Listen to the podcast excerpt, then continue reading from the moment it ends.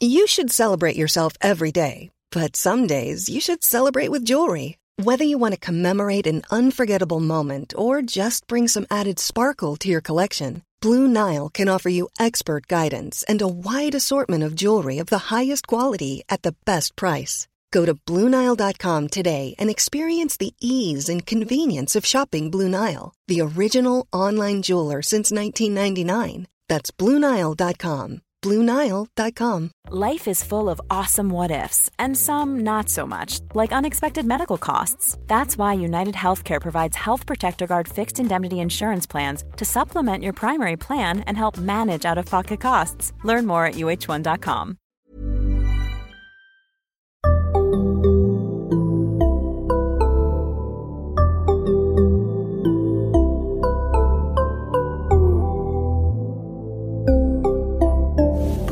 Barnpsykologerna.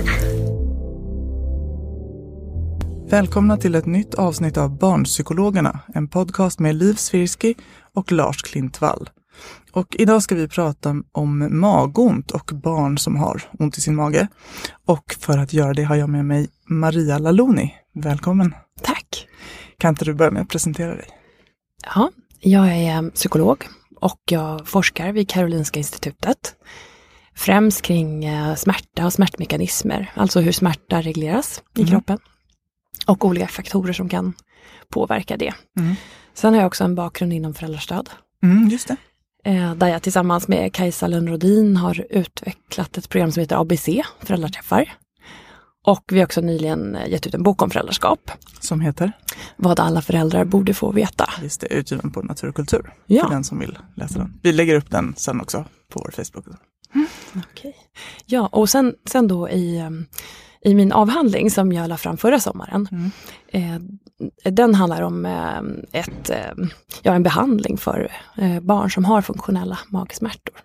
Just det. Och vad är funktionell magsmärta? Ja, det är magsmärtor och även andra magsymptom. Eh, där det inte finns någon tydlig kroppslig orsak till de här symptomen. Andra magsymptom, då menar du typ diarré eller illamående eller Ja, något sånt? Ja, Alltså, exakt. Förstoppning, uppblåsthet, att inte kunna äta en hel måltid till Just det. exempel. Så symptom från magen som inte har, där man inte kan säga att det finns en medicinsk, en sjukdom i botten. Liksom. Exakt. Varför heter det funktionella magsmärtor? Ja, eh, det är väl till, eh, det är till skillnad från organiska magsmärtor. Aha. Alltså det, Ja, det är det som är mot ja, ja, ja, så det är lite annorlunda för oss psykologer. eh, Men Ja. det, det, det är det begreppet, medicinska begreppet som finns. Så då kan man säga att det är alltså de barn som söker för ont i magen när läkaren har uteslutit att det skulle vara något, någon annan orsak. Exakt. Hur många är det som har det här? Vet man det? Ja, det är ganska vanligt. Det finns, ehm, eh, alltså det, när man undersöker hur vanligt någonting är så Mm. beror det på hur man undersöker, hur man frågar och så vidare. Men i en, ehm, en ganska nyligen, en sån här metaanalys när man har undersökt hur vanligt det är över hela världen, Mm. så har man sett att det är ungefär 13 procent av alla barn som Oj. har funktionella magsmärtor. I, från 0 till 18? Eller vilket Ja. åldersspann? Ja. Ja, ja eller nej, oftast mm, undersöker man, eh, har man inte undersökt i de allra yngsta åldrarna för där är det Ja, väldigt just svårt det. att, Mm. att veta ens att Mm. barnet har ont i magen. Eh, Så ja, men det brukar vara från 6 eller 8 år och upp till 18. Ehm, Ja, Men 13 procent, det är mycket. det är mycket. Det innebär ju att i varje skolklass så finns det flera, flera barn som Mm. har funktionella magsmärtor. Jag tänker när vi pratar olika ångeststörningar så brukar det ligga på mellan 5 och 10 procent kanske. Och det Mm. tycker vi också är ganska mycket. Mm. Så det här är ju en väldigt stor grupp. Ja, det är det verkligen. Eh, om man har det här, hur lång tid är man sjuk? Eller sjuk, har man Ja. symptomen kanske? Ja, det, det kan ju verkligen variera. Men för att man ska få diagnosen Mm. så måste man ha haft det minst tre månader. Mhm. Ehm, och sen så, är det, ehm, sen så ser det lite olika ut. Men man har sett att mellan 40 och 50 procent av alla barn har pågående eh, kvardröjande problem upp i vuxen ålder med eh, funktionella magsmärtor. Mm. Vet man vilka det är som drabbas? Kan man, kan man se någon orsak till att man får det här? Ja, det, det, det är en väldigt bra fråga. men tyvärr så vet man inte riktigt, eh, man, kan, man har ingen tydlig eh, exakt orsak utan man brukar prata om att det är en eh, multifaktoriell orsaksmodell Mm. där flera olika orsaker kan samverka. Och det är inte säkert att man vet för ett specifikt barn vad det är som är orsaken. För vissa kan det finnas en tydlig en startpunkt. Att man kanske har haft en maginfluensa som sen, att, att eh, när infektionen har läckt ut så har man fortfarande kvar eh, symptom från Mm. den. Så det kan vara en sån start, men så ser det inte alls ut för alla. Utan man pratar ju om, om eh, ofta brukar man använda den biopsykosociala Mm. förklaringsmodellen som man ju använder i, i många, eh, som förklaringsmodell i många, ja, både psykiatriska och, och medicinska Mm, sjukdomar. Ska vi Eh, förklara den? Alltså ja. att det är både biologiska, alltså kroppsliga faktorer, Mm. sociala Mm. eh, och psykologiska faktorer som samverkar i någon slags Exakt. kompott. Så att Ja, det blir ja. problematik. Mm. Ja exakt och biologiska faktorer det kan ju vara ja, till exempel en maginfluensa Mm. eller en ge- genetisk eh, predisposition, att man liksom är mer benägen att känna mycket mer signaler från magen. Mm. Eh, sen kan det vara en social faktor, eh, social faktor när det Mm. gäller barn som är väldigt betydelsefull, är ofta eh, f- föräldrar, alltså Mm. hur föräldrar bemöter barnet. Eller lärare till exempel. Och eh, en psykologisk faktor kan ju vara hur man själv förhåller sig till sina symptom. Till Mm. exempel så har man sett att mycket katastroftankar kring sina symptom har ett samband med att symptomen blir värre och att de fortsätter. Och katastroftankarna, vad kan, hur kan de låta? Det kan vara till exempel, jag kommer aldrig att bli bra eller Mm. eh, det kommer gå åt skogen nu i skolan, alla kommer skratta åt mig. Eller. Mm.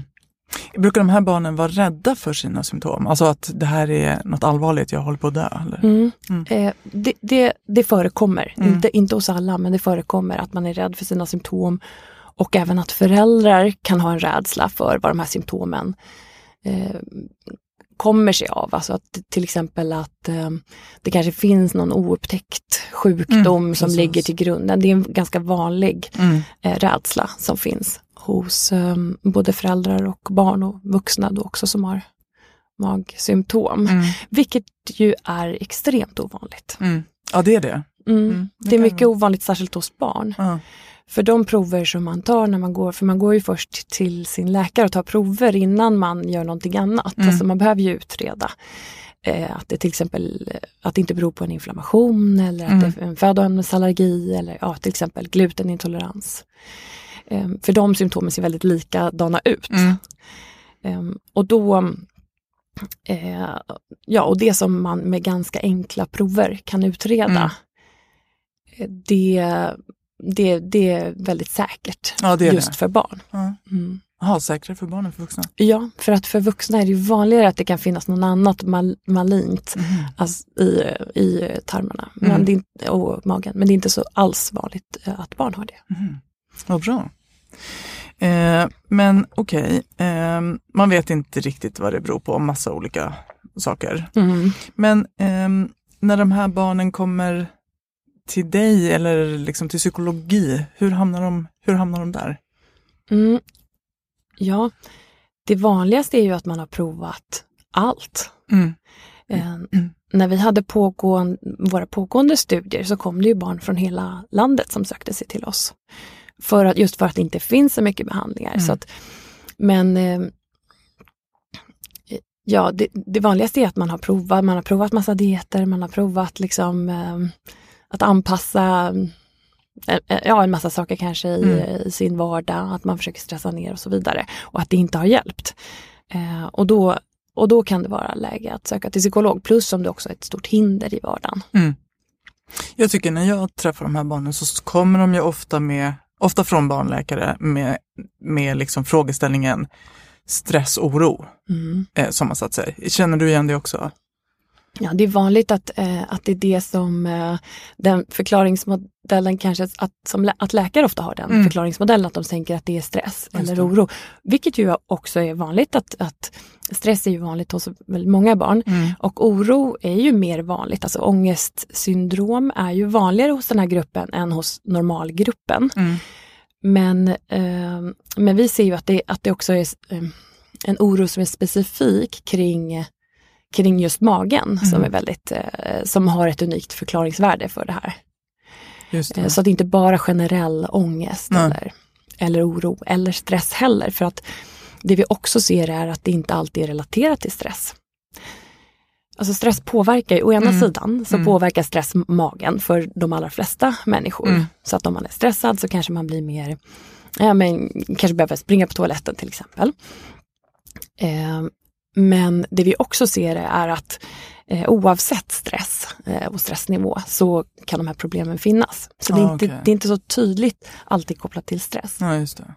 Är det en förklaring som, jag tänker att det kanske läkare gör, men att vi också vuxna på något sätt väldigt snabbt tar till den när ett barn klagar på den här sortens symptom, att ja, det är stress eller oro. Mm. Är vi liksom lite, eh, har vi lärt oss att så kan det vara? Ja men så kan det säkert vara. Att det är, att det är i och med att den här kopplingen också Exakt. finns mellan mage och stress. ehm, så, så kan det säkert vara eh, någonting som vi lätt tar till. Vi ska komma in på vad, ni, vad, vad man sen gör i behandling. Jag bara tänker att en del av det här du beskriver också väl kan gälla för andra sorters smärtproblem som barn. Jag tänker barn som kommer till exempel för mycket huvudvärk. Och där man också då har utrett, det finns ingen, det är ingen migrän, det är ingen hjärntumör eller liksom sjukdom, utan det är spänningshuvudvärk eller någonting sånt. Eh, känner du igen, liksom, finns det likheter mellan den här sortens, kan man kalla det funktionell huvudsmärta?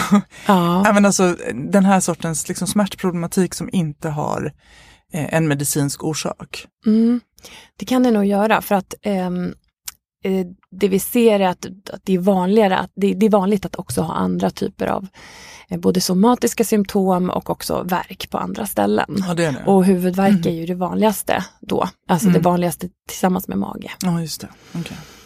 Ehm, ja, så det kan, det kan finnas en, um, någon slags gemensam, um, något gemensamt där. Ja.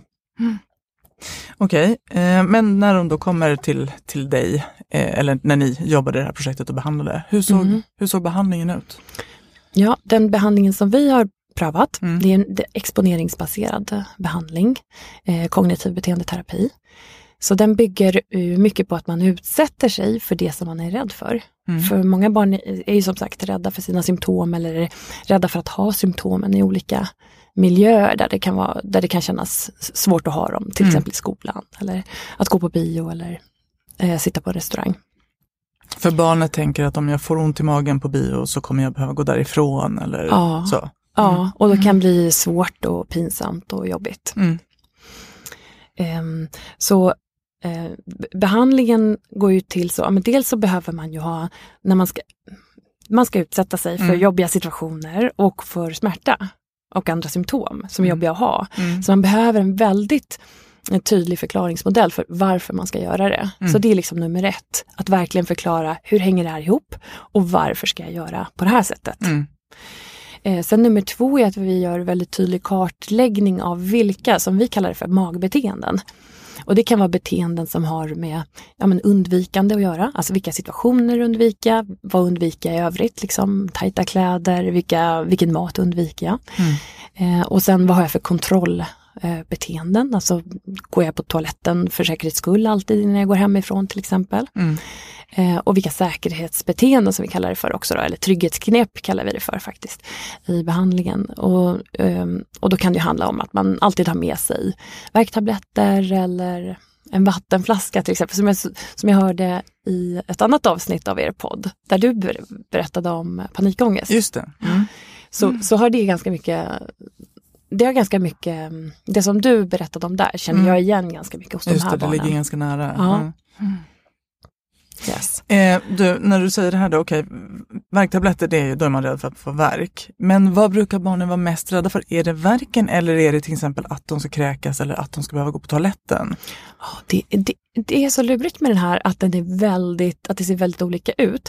För i det här paraplybegreppet funktionella magsmärtor så finns det dels eh, IBS, alltså Irritable Bowel Syndrome. Det finns ju också hos barn. Eh, och sen så finns det dels eh, ja, men funktionella magsmärtor som bara är ja, men att man i stort sett bara har ont i magen. Och sen finns det funktionell dyspepsi. Och då är det mm, att man har ont i övre delen av magen och att man har illamående ofta. Och att man inte kanske kan äta en hel portion. Alltså att man blir väldigt lätt mätt. Mm. Så det ser väldigt olika ut vad man oroar sig för. Ja, okej. Mm. Mm. Just det. Och, sen, eh, och, och därmed ser också den här kartläggningen ser olika ut och även då exponeringsbehandlingen ser väldigt olika Mm. ut för, för barnen beroende på vad de har för problem. Så den, em, den bygger väldigt mycket på kartläggningen dels Mm. och sen också att barnen och föräldrarna själva väljer vad de är mest motiverade att jobba med. Em, och vi försöker också när det gäller exponering för barn att man också försöker, ja men finns det någon, vad finns det för vinster, liksom, vilka exponerings Eh, vilka exponeringsuppgifter skulle kunna vara lite mer lockande eller roliga. Mm. För någonting som barnet vill kunna göra i sitt vanliga För att, liv de, sen. Liksom. för att de vill kunna göra det. Ehm, till exempel alltså vara med kompisar, eller så, sånt som naturliga förstärkare. Mm. Men också kanske så här, ja men om det är ett, en åttaåring som kanske egentligen tycker det är jättegott med choklad men inte vågar äta det, så är det en bra grej att göra istället för att dricka ett glas mjölk till exempel. Ja, just det. Mm. Mm. Och sen så gör vi också, eh, består behandlingen också av beteendeanalyser eller funktionella analyser. Där barnen själva får liksom sätta in i sammanhang där de tittar på sina magbeteenden och ser liksom hur de kan se hur de bidrar till att eh, problemen fortsätter. Brukar de förstå det? Brukar det funka? Att det är det som är så roligt för att barn, barnen är otroligt bra på de funktionella analyserna. Coolt. Sen har vi ju för föräldrar också. Mm. De, är inte, de är faktiskt inte riktigt lika duktiga. Ja, Och kanske också för att det är lite svårare för att det är fler personer involverade. Det. Så det blir Mm. lite mer eh, klurigt. Men barnen är faktiskt riktigt, riktigt duktiga på de funktionella analyserna. Mm. Coolt. Mm. Ehm, och sen kommer själva, eller exponeringen går parallellt med beteendeanalyserna då? Mm. Here's a cool fact a crocodile can't stick out its tongue. Another cool fact you can get short term health insurance for a month or just under a year in some states. United Healthcare short term insurance plans are designed for people who are between jobs, coming off their parents' plan, or turning a side hustle into a full time gig. Underwritten by Golden Rule Insurance Company, they offer flexible, budget friendly coverage with access to a nationwide network of doctors and hospitals. Get more cool facts about United Healthcare short term plans at uh1.com. When you're ready to pop the question, the last thing you want to do is second guess the ring. At Bluenile.com, you can design a one of a kind ring with the ease and convenience of shopping online. Choose your diamond and setting. When you find the one, you'll get it delivered right to your door. Go to Bluenile.com and use promo code LISTEN to get $50 off your purchase of $500 or more. That's code LISTEN at Bluenile.com for $50 off your purchase. Bluenile.com code LISTEN. Hi, I'm Daniel, founder of Pretty Litter. Did you know cats tend to hide symptoms of sickness and pain? I learned this the hard way after losing my cat, Gingy. So I created Pretty Litter, a health monitoring litter that helps detect early signs of illness by changing colors, saving you money and potentially your cat's life. Pretty Litter is veterinarian developed, and it's the easiest way to keep tabs on your fur baby's health right at home. Go to prettylitter.com and use code ACAST for 20% off your first order and a free cat toy. Terms and conditions apply. See site for details. Kan du beskriva, vad brukar ni, hur går exponeringarna till? Vad brukar ni exponera för? Ja, den här behandlingen som vi har gjort, då, för, först så hade vi när, när, eh, när eh, det finns både behandling för ungdomar och barn Mm. och ungdomsbehandlingen har Marianne Bonnert utvecklat och jag har eh, utvecklat den som är för barn mellan 8 och 12 år. Eh, och då när vi skulle ta, och från början har vi då tittat på en vuxenbehandling för IBS. Så när vi skulle göra den för så pass små barn som 8 år, då gjorde vi så att vi eh, träffade en massa föräldrar och barn och utvecklade det liksom tillsammans. Men sen har vi lagt över det på internet, så det här är en internetbehandling. Eh, så därför är ju inte vi med vid Nej. exponeringen. så att exponeringen sker med hjälp av föräldrarna. Så föräldrarna är liksom eh, barnens hjälpterapeuter. Em, och som också behöver finnas där för att underlätta exponeringen. Och sen så får man då rapportera hur det har gått. Just det, man- det finns en Mm. terapeut på andra sidan om man säger så, Ja. fast man kommunicerar via nätet. Ja, Mm. exakt. Så vi är inte med, så vi vet inte exakt hur det går till, men de, kan de får berätta Mm. i detalj liksom, hur det har gått. Men när du sa eh, äta choklad istället för att dricka mjölk, betyder Mm. det att dricka mjölk kan vara en övning också då? Ja, det kan det vara. För den som är rädd att man ska få ont i magen av mjölk? Ja, exakt. För det är ju ganska vanligt att ehm, att man kanske, ja men dels kan man ju vara laktosintolerant Mm. och till och med, alltså det betyder ju inte att man inte kan dricka lite laktos eller få i sig lite laktos. Mm. Men det kan också vara att man känner att man är överkänslig utan att ha laktosintolerans. Mm. Och då kan det vara en jättebra exponeringsuppgift. Men det är heller inget farligt även om man skulle vara laktos. Det är inte som celiaki, gluten, det ska man absolut undvika. Just det. Mm.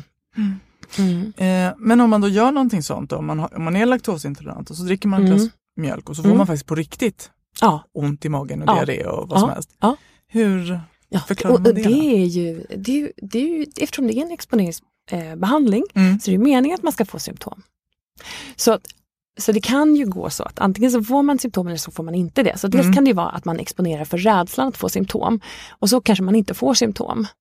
Eh, eh, men man kan ju också exponera för symptomen. Alltså Mm. att, för att barnen behöver ju också lära sig att ja, men det, jag kan ha de här symptomen Och ändå göra. och ändå, Saker. och ändå göra saker. Mm. Det behöver inte betyda, för vi exponerar också en hel del med, med till exempel toalett. Mm. Att man kanske inte rusar in på toaletten utan att man kanske väntar en stund innan man går in till toan. Mm. Eller att man inte sitter där jätte- jättelänge utan att man sitter där en kort stund och sen så är, man klar. Liksom. Mm. Eh, Så att ehm, det är ju bra om man får symptom. Det, För då får man något att öva på. ja, Ja. Okej. Samarbetar ni med läkare i den här behandlingen?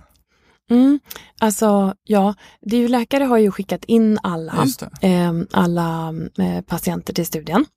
Och, eh, och sen har vi ju haft eh, den ansvariga för studien har ju varit en läkare. Mm.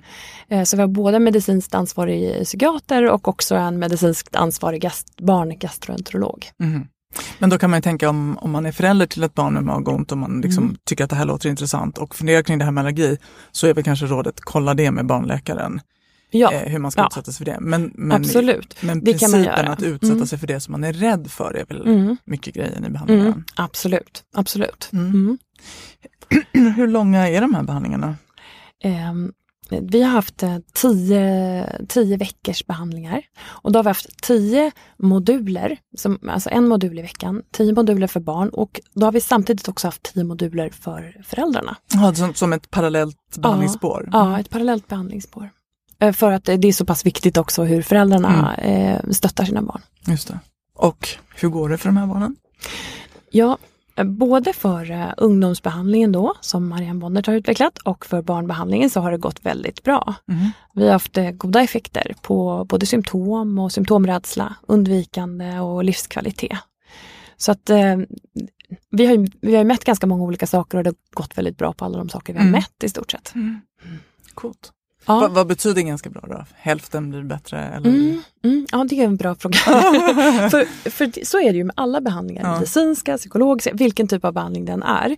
Så är det ju så att alla kommer inte få tillräcklig symptomlindring. Nej. Alltså oavsett om du tar en Alvedon eller om du eh, tar någon annan medicin. Så kommer, inte, kommer en viss procent kommer inte att bli liksom tillräckligt hjälpta. Mm.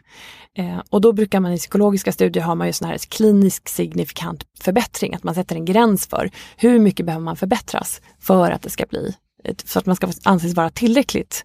Eh, så att det blir en klinisk skillnad, en, skillnad för eh, Och det en kan man säga, skillnad. en med klinisk skillnad så menar man ju en skillnad för klienten i sitt liv. Liksom, Ja. Som faktiskt patienten Ja. själv upplever Ja. att Ja. det här är faktiskt, jag kunde inte gå till skolan, jag kan det Mm. nu. Jag har fortfarande Mm. ont i magen ibland, men jag kan vara i skolan.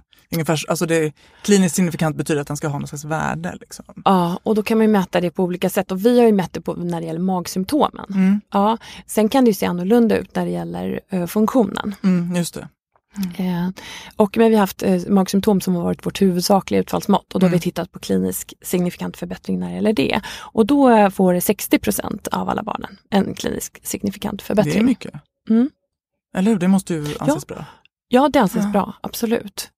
Men vi vill ju, man skulle ju vilja att alla. Ja, verkligen. ja. Mm. Har det gjorts någon uppföljning på de där 40 som inte fick det?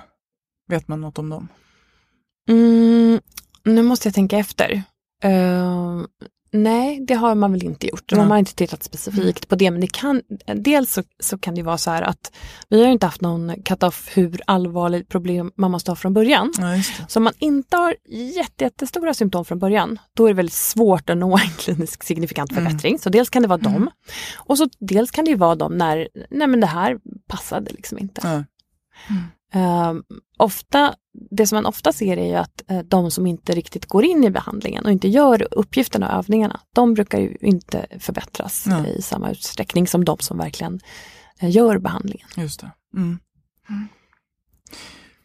Eh, nu sa du att det här är internetbehandling. Mm. Finns den nu? Den kommer jättesnart att finnas, för Mm. det ska öppna en internetbehandlingsenhet inom BUP i Stockholm. Och, eh, och då ska den här behandlingen eh, eh, läggas in där, implementeras där. Och den, den öppnar nu i, eller den startar nu i november. Och alltså un, i början av nästa år kommer vi lägga in den här behandlingen. Så den kommer jag hoppas att den finns till våren. Mm. Våren 2020. Ja, Eh, finns den då tillgänglig för Stockholm eller för folk i hela landet? Det är ju så att vi har fritt vårdval så att man kommer att kunna söka från andra delar av landet också. Men eh, eh, det, den finns ju inom Stockholms läns landsting. Mm. Just det. Mm. Eh, spännande. Om vi kan så lägger vi en länk till det också, eh, Mm. beroende på om vi vet vad, vad länken Vad ska länken heta. finns, ja. eh, men men är man, om man som förälder lyssnar på det här avsnittet så kan det ju vara värt att i annat fall söka eh, Mm. för någon form av internet barnpsykiatri i Stockholms läns landsting. Det kommer Mm. man säkert kunna googla sig fram till och så. Ja, Sen- ja, den kommer ju ligga inom BUP då. Just Så, det, ja. precis. Mm. Mm. Nu när du pratar, vi hade ju i ett av våra första avsnitt Rickard Wixell här som också är psykolog och som också pratade om smärta som hade ett lite annat angreppssätt. Mm. Eh, det som man kallar för ACT eller eh, acceptans, mer acceptansbaserad behandling. Mm. Finns det likheter och skillnader? Mm. Här är det ju liksom lite mer pang på exponering. Ja, Ehm. det, det är ju, tycker jag, den huvudsakliga skillnaden. Mm. Att det här är mer, eh, em, alltså man har ju exponering i akt också, men det här är mer, eh, alltså exponering är verkligen den huvudsakliga eh, delen här. Em, Men som i, i akt så brukar man ju prata om värderingar. Mm. Vi har ju mer konkreta mål, alltså målsättningar, vad vill du kunna göra? Mm. Ehm, och, eh, och eh, vad finns det mer? Vi, alltså mindfulness brukar man använda inom ACT Mm. och vi har också en väldigt kort men ändå en liten Mm. mindfulnessövning för barn. Mm. Men där syftet är då att ehm, öka, öka, att man ökar fokus på magen men att man inte låter magen hindra sig så att det blir liksom en slags eh, boost för exponeringsbehandlingen. Just det, att faktiskt Mm. känna det som magen Mm. lever upp med nu. Liksom, eller håller Just på med. det, Mm. just det. Och sen så ehm, den andra stora, eller en, en till stor skillnad är väl att vi, att målet också är symptomreduktion Mm. eh, för de här barnen. Inte bara eh, ökad funktion i vardagen utan också symptomreduktion för att det är ofta, och det tänker vi att det är ofta det som de själva vill ha. Mm. Eh, så att det, ja, det är i alla fall ehm, det är i alla fall någonting som vi mäter och det mäter man inte alltid i jaktstudier. Vi kanske inte så uttalar det. Eh, vårt huvudsakliga syfte är att barnen ska kunna leva det liv de vill. Mm. Att, de, att de och inte magen ska bestämma över dem. Mm. De själva ska bestämma. Ehm, så det påminner ju om ACT men vi mäter också symptom. Alltså magsymptom och magsmärta. Just det, och det gör man väl inte heller i jakten? Nej, man gör inte alltid det. Ja. Mm.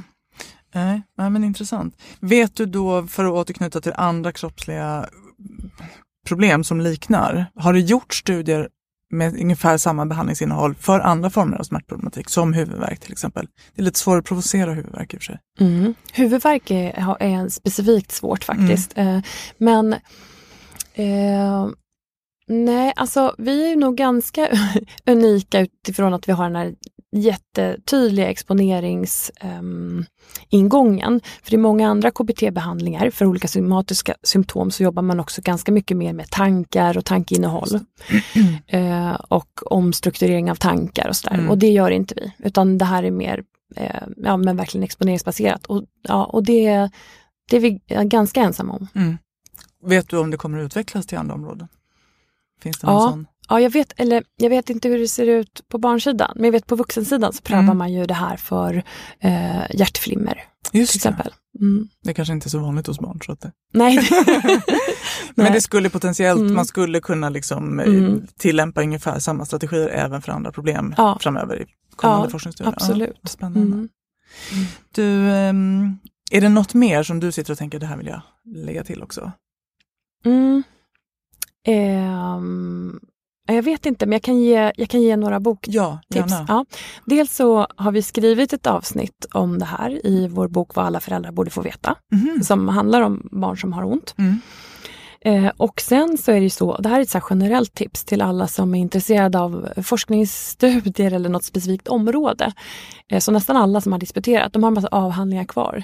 Så, att så, så, man kan alltid, och plus att de blir jätteglada om, de, eh, om man hör av sig och, vill, och vill ha ett ex. Så det kan man göra. Och det kan man göra, i, eh, den frågan kan man skicka även till mig, för jag har också ex kvar av min avhandling. Var ska man, hur får man tag i dig? Då kan man mejla mig på maria.lalouni.ki.se. Ja, då lägger vi ut det också. Så att, ja, mm. perfekt. Bra. Eh, ja, men jättebra. Finns det några andra böcker i det här ämnet? Nej, det gör väl inte det riktigt? Nej, alltså det, det, det, det finns några om barn och smärta som inte är svenska och sådär. Så Bland annat har Tonja Palermo skrivit en bok om, om KBT och barn och smärta. Um, men det, nej, jag, jag, känner inte till några andra nej, svenska, nej. tyvärr. Ja, men vi har er bok, det är väl ett jättebra boktips. Då får man lite annat på köpet, ja. inte bara mag. Nej.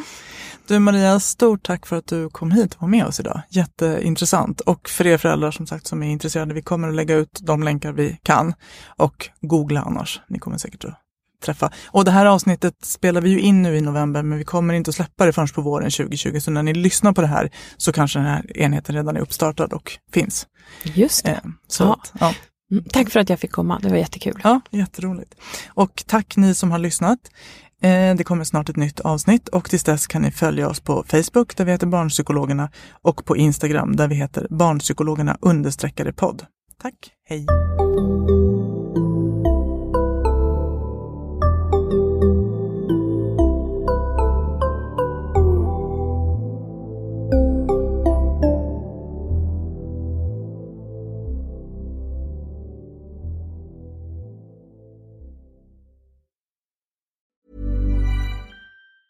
Hi, I'm Daniel, founder of Pretty Litter. Did you know cats tend to hide symptoms of sickness and pain? I learned this the hard way after losing my cat, Gingy. So I created Pretty Litter, a health monitoring litter that helps detect early signs of illness by changing colors, saving you money and potentially your cat's life. Pretty Litter is veterinarian developed, and it's the easiest way to keep tabs on your fur baby's health right at home. Go to prettylitter.com and use code ACAST for 20% off your first order and a free cat toy. Terms and conditions apply. See site for details. Planning for your next trip?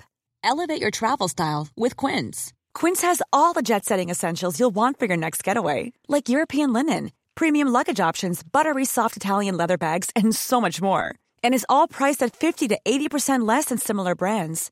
Plus, Quince only works with factories that use safe and ethical manufacturing practices. Pack your bags with high-quality essentials you'll be wearing for vacations to come with Quince. Go to quince.com slash pack for free shipping and 365-day returns.